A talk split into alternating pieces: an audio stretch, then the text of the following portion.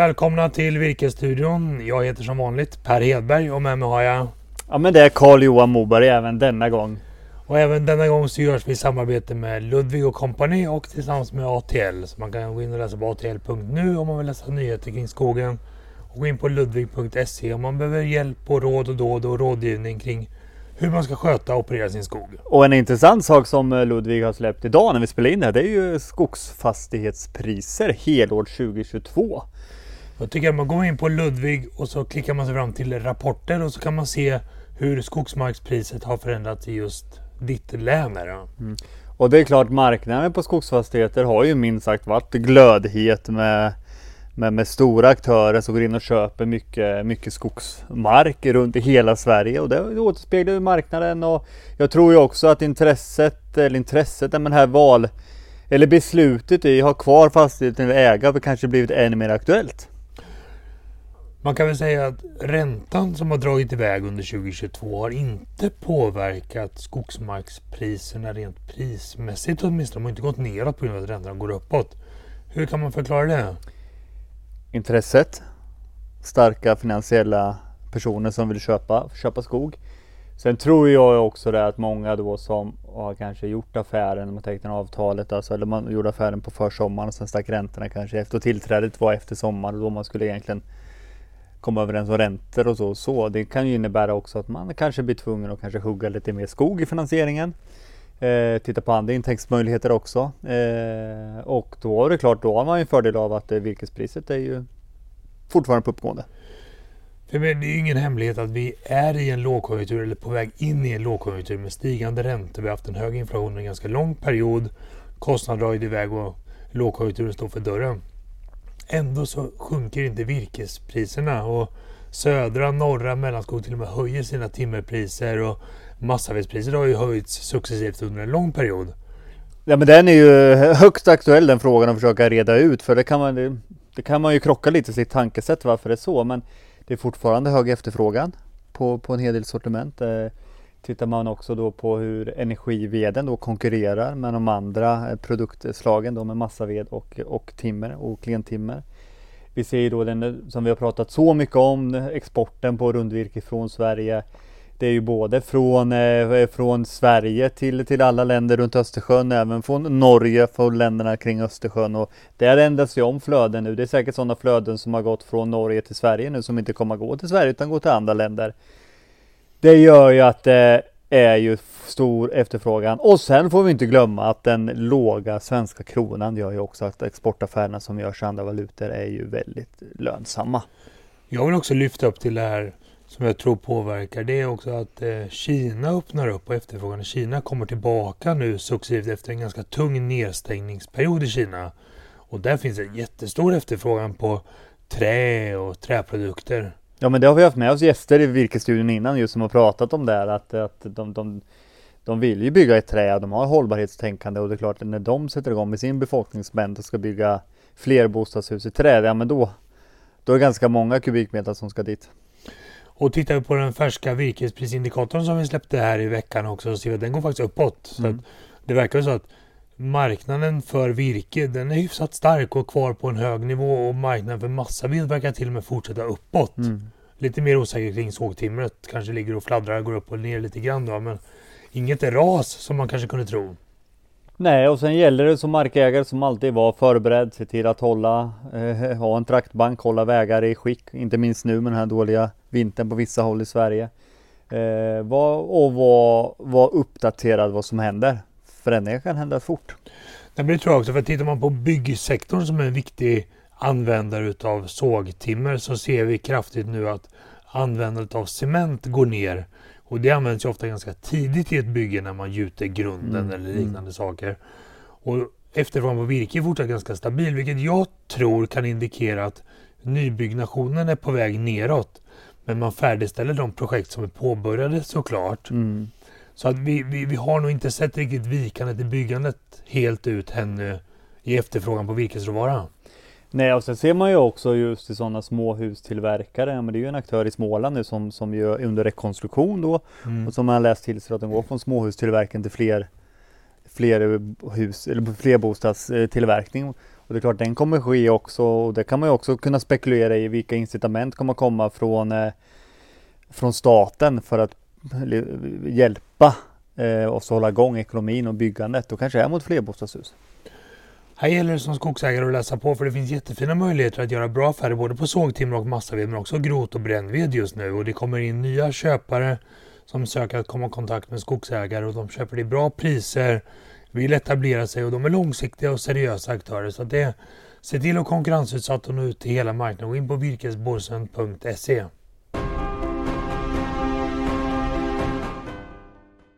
Per, vi har ju pratat mycket om den här så kallade taxonomin, du och jag, när vi har suttit och tagit våra kaffekoppar och suttit i bilen. Eh, kan inte du berätta lite mer om det här? Vad, vad, egentligen, vad, vad är dina tankar kring det här? Men jag tror att när skogsägare hör om taxonomin så är, då blir det, det är inte med glädje man hör det. Utan Nej, man det, tror att det bara, att det, det bara är hinder. Det bara hinder. Ja. Men jag menar, man måste ju se taxonomin i ljuset av det är ju så vi ska göra för att försöka uppnå våra klimatmål för att rädda klimatet och stävja klimatförändringarna. Och det tror jag egentligen att alla skogsägare vill skriva under på. Ja, men det finns ju affärsmöjligheter för skogsägarna här. Så är det ju absolut. Och taxonomin, det blir lätt väldigt, väldigt tekniskt när man pratar om taxonomin och vad det får för konsekvenser. Men det handlar om att uppnå målsättningarna kring att bevara och skydda klimatet, vårda biologisk mångfald och sex stycken andra undermål. Sen är det viktigt att ha med sig att taxonomilagstiftningen är inte helt färdig utan den är färdig till viss del. Mm.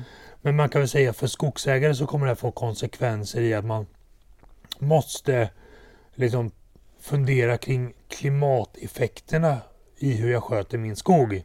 Och jag tror att många chippar in på att hur jag sköter min skog, ja, det får påverkan för klimatet.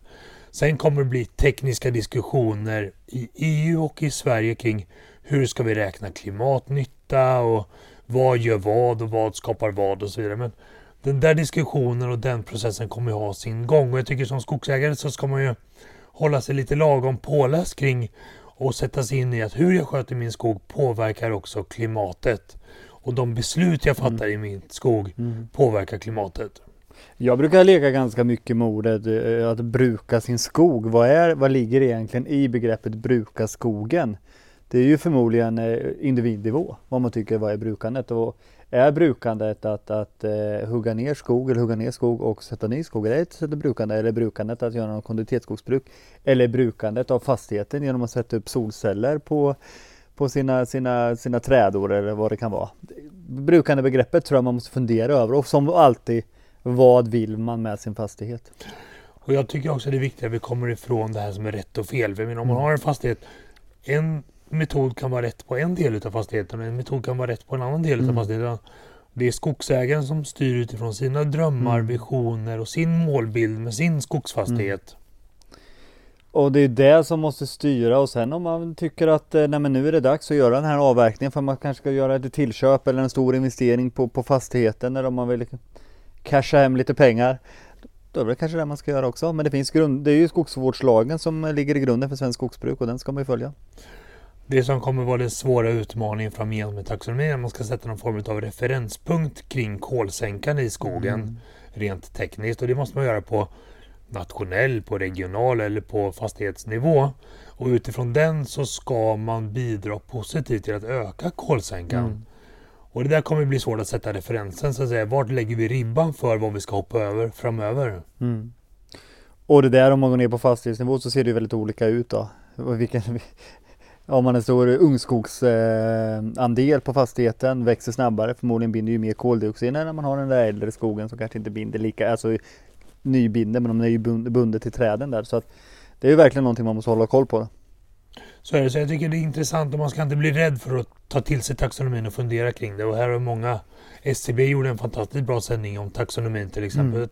Titta på sådana sändningar och läs på och mm. begrunda vad ditt skogsbruk gör för klimatet och hur du kan bidra positivt till att stävja klimatförändringarna. Och det kan vi väl säga va? 8 februari så kommer vi köra virkesvideon live och prata om det gångna året, eller Q4, en Q-kväll som vi kallar dem för. Och där så kommer vi också ta upp det här, hållbarheten kring skogen då, som en eh, punkt, programpunkt. Yes. Så håll utsikt på den sändningen och det kommer du få inbjudan till senare där.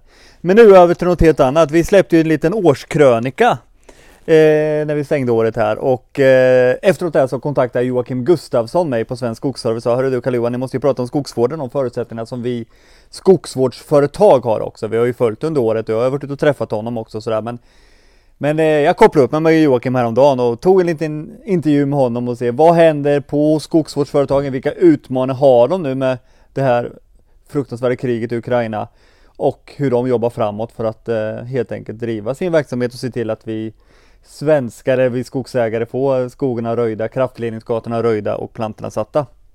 Än en gång välkommen till Virkesstudion Joakim. Du har ju varit med ett antal gånger nu. Senast så var vi ute i, i Ledningsgatan och kollade på när ni röjde med eh, batteridrivna röjsågar. Vad händer hos dig just nu och kan du inte ge oss en liten uppdatering också med det här med batteridrivna verktyg i skogen? Eh, gällande batterierna så eh, misstänker jag att det pågår utveckling både hos eh, Husqvarna och hos Stil på bred front. Vi väntar väl på den maskinen vi pratade om då du var ute hos oss att vi vill ha en riktig skogsoptimerad maskin. Och det hoppas vi väl kanske skulle kunna finnas på marknaden om ett par år här. Och så fort det kommer så är ju vi beredda att sätta igång eh, något team som kommer röja på kraftledning eh, bara med el och något team eh, som kommer röja ungskog. Där förutsättningarna finns för laddinfrastrukturen. Då. Men nog om det då. Skogsvården, skogsfirman, det är vinter på några håll. Vad händer just nu hos er då? Ja, men vi, laddar för, vi laddar för säsongen för fullt. Vi kör ut ett par, tre team i veckan här just nu. Så att, om två, tre veckor så hoppas vi väl eh, att vi är uppe på 60-70 man i skogen. Hoppas vi. Så ni har egentligen så, med, med tanke på den milda vintern på många håll i södra Sverige, då, så har ni redan kunnat dra igång kanske lite tidigare än vanligt? Ja, delvis eh, det. Och sen eh, på grund av det som egentligen speglade mycket av svensk skogsvård 2022 då, med Ukraina-kriget. Mm. Så har vi ju fått eh, tänka om och ställa om lite grann och samarbetar nu eh, lite mer med Norrlandsfirmor som har kortare säsong eh, för sina plantörer till exempel eller röjare. Och då inflationen driver upp i alla länder så är det ju också flera av de här som kanske har jobbat 4, 5, 6, 7 månader ett normalår som nu frågar efter längre säsonger för att kunna försörja sig även i Rumänien och Polen och andra länder i, i Europa. Och då har vi försökt att hitta samarbeten då vi har tappat 50 av våra ukrainare. Mm. Uh, vi tappade ju 54 ukrainare initialt då, men så kom ju fyra av dem loss eller visade sig vara i Europa redan innan. Mm. Och med hjälp av de fyra proffsen som var utanför gränserna då, eller kom ut, mm. eh, så har vi fått tränat upp ett antal som aldrig hade varit i skogen tidigare men som kom som flyktingar hit. Mm. Eh, som ofta också då män som var utanför eh, då kriget startade i byggsvängen eller i andra svängar. Liksom var, av olika anledningar var utanför gränsen. Mm. Och då var ju liksom inte läget att åka hem igen, utan då tog, fick de ju ut sina familjer. Så att vi har ju integrerat fyra familjer här på Ed då, helt eh, med lä egna lägenheter och de männen jobbar här. Nu går de eh, allihop går eh, språkutbildning hos Sensus här nu. Mm. Eh, och ska lära sig svenska. Det har varit väldigt jobb med att få svenska utbildning till dem, så vi är väldigt tacksamma att Sensus ställer upp här nu och hjälper till. Det förstår jag. Är det så även att deras medföljande eh, fruar då, eh, jobbar de också i, inom skogen? Eh, norra satte plant några enstaka dagar i fjol, men mycket har gått ut liksom på... Det, det har varit så mycket med integrationen kan man säga. Mm. Eh, integration, eh, det är ett ämne vi kan prata om i timmar tror jag. Eh, mm. Och Sverige har en bristande integration kan vi nog sammanfatta det som. Eh, det, det är inte lätt Även om du kommer hit och känner folk och du kan få jobb och du kan skaffa egen lägenhet. Bara en sån sak som att våra de har inte rätt till personnummer, de har, kan inte få ett bank-id. De kan alltså, även om du har en lägenhet, kan du inte betala elräkningen i princip. Du kan inte gå in och boka ett Netflix-konto. Du kan liksom inte... Du blir, du blir liksom livegen trots att du tjänar en eh, rejäl lön mm. Mm. och har förutsättningarna. Så det har varit väldigt mycket runt om. Eh, barnen ska börja skolan och sådana där grejer. Mm. mm. Eh, men nu börjar ju sånt falla på plats. De har lagt mycket tid på sin svenska, både privat och i och med att de inte har haft rätt till SFI via, via myndigheterna.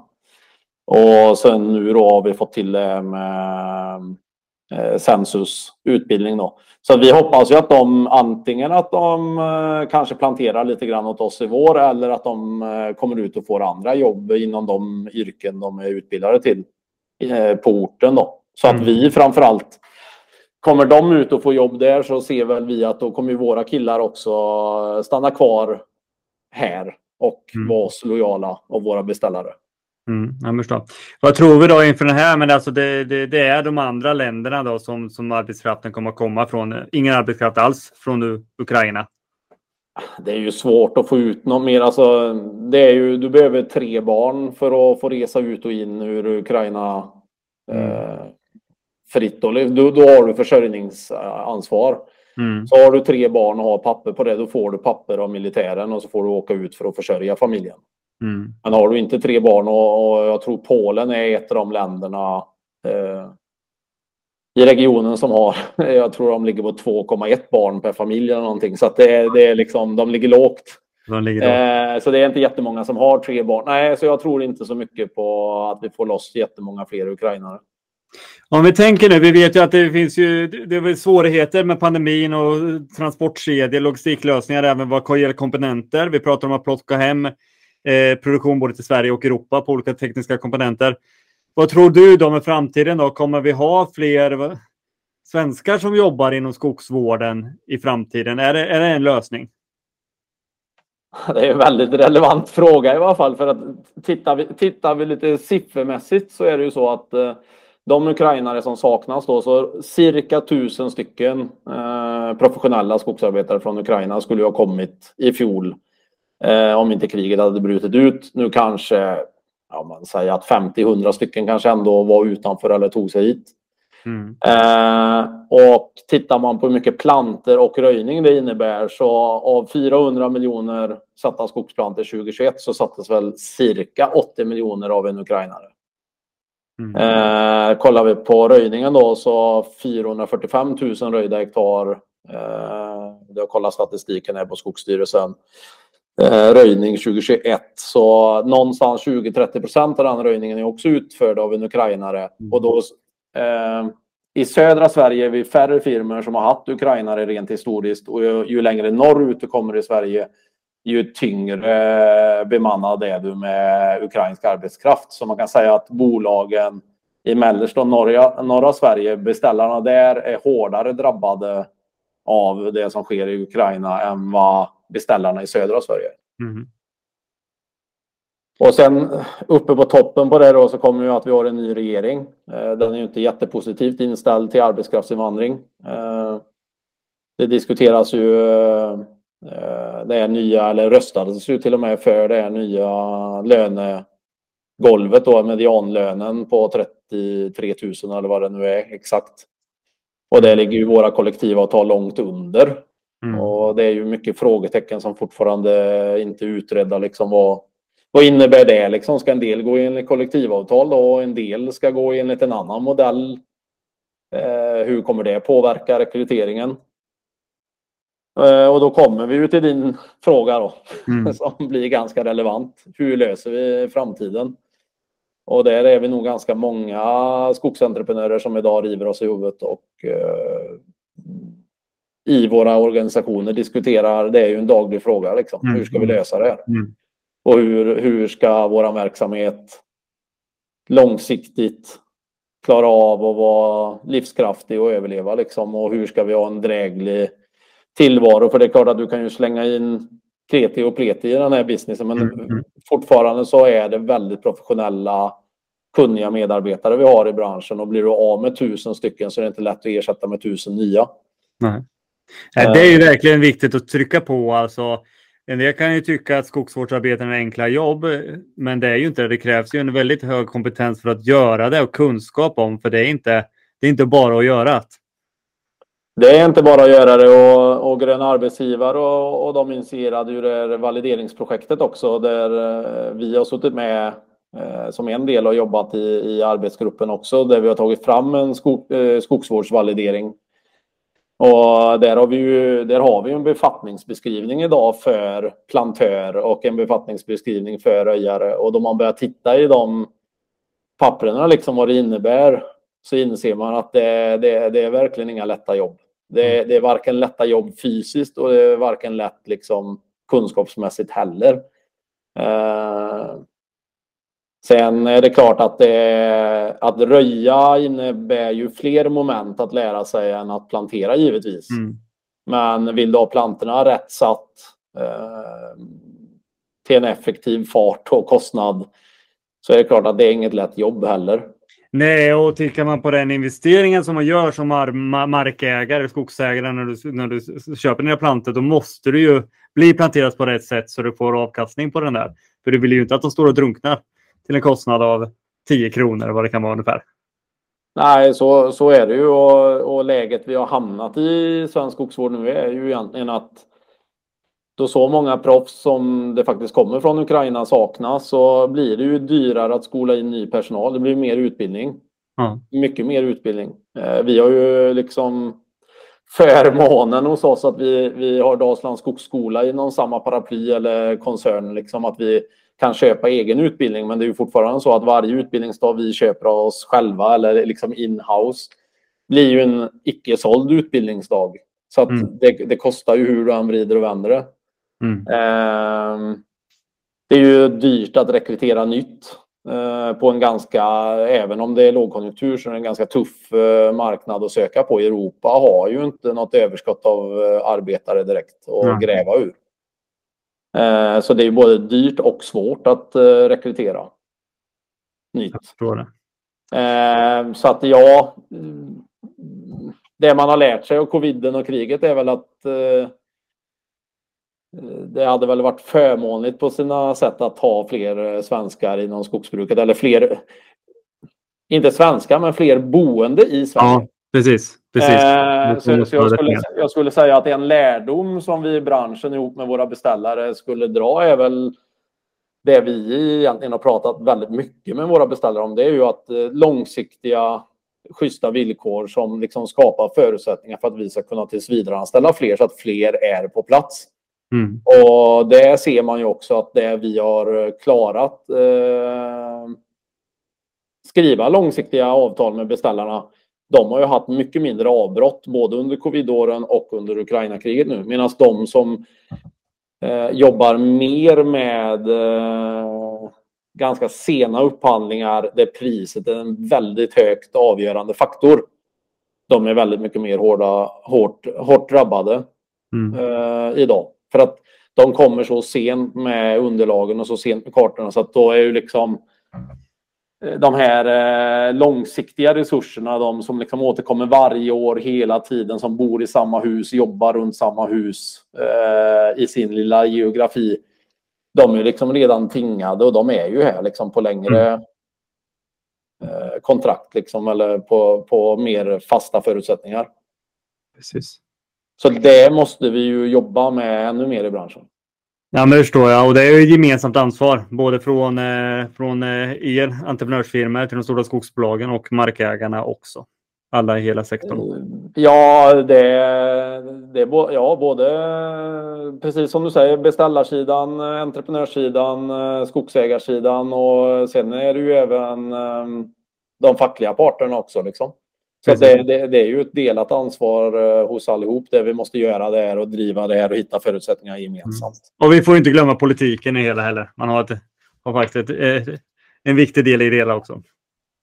Så, så, ja, men så är det ju och det, det är ju ganska svårt att... Uh, nu hörde jag någonting om man, man väl inne och rotar i det med Eh, yrkesutbildningarna också, liksom att eh, det har, det har varit för få sökande där om man tittar över de här projekten man har haft om yrkesutbildningar, att det kanske inte ska löpa vidare heller och det är väl skogsmaskinsförare en sån mm. som har varit inne i det projektet.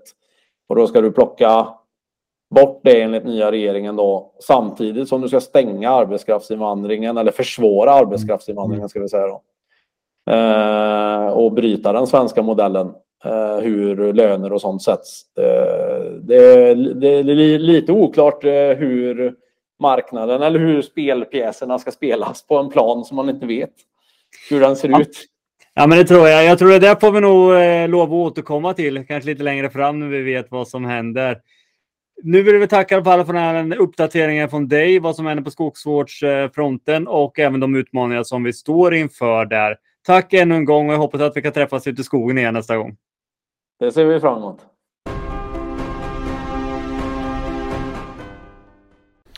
Det här är intressant. Han, han reser ju en del utmaningar eller problem kring att få in arbetskraften. Ja, ja men det är det ju. Vi pratar ju ändå, vi kunde ju prata mycket, mycket längre Joakim och jag och vi kunde gå in på de politiska sakerna som måste ske för att man ska kunna underlätta för integrationen och hela sån biten. Men som sagt var, det är jätteviktigt att vi, att vi hjälps åt också som skogsägare att se till att det är jätteviktigt att vi kan få de här plantorna satta och vi bygger skogs, skogarna för framtiden. Då, det är jättevärdefullt med de här. Men det framstår som uppenbart att vi är beroende av utländsk arbetskraft för att driva skogsbruket i den mening vi gör mm, idag. Mm. Det är, så är det ju. Det är ju ganska så, han nämner några procenttal här och det är ju så att vi är beroende av det. Och så tror jag det kommer att vara framöver också. Jag tycker vi rundar av för idag. Vi har pratat om många spännande saker men håll er uppdaterade och läs på. Följ konjunkturen, läs ATL, ta hjälp av Ludvig och Company och använd självklart virkesbörsen när ni ska sälja virke. Nej men det är väl det vi kan skicka med och som vanligt vill ju gå ut i skogen, kolla, kolla upp, kolla ner, mät lite med några bra digitala hjälpmedel så ni vet vad ni har som skog. Testa att göra en skogsbruksplan på virkesbörsen. Gör en digital plan där och gå ut i skogen och se hur den stämmer överens.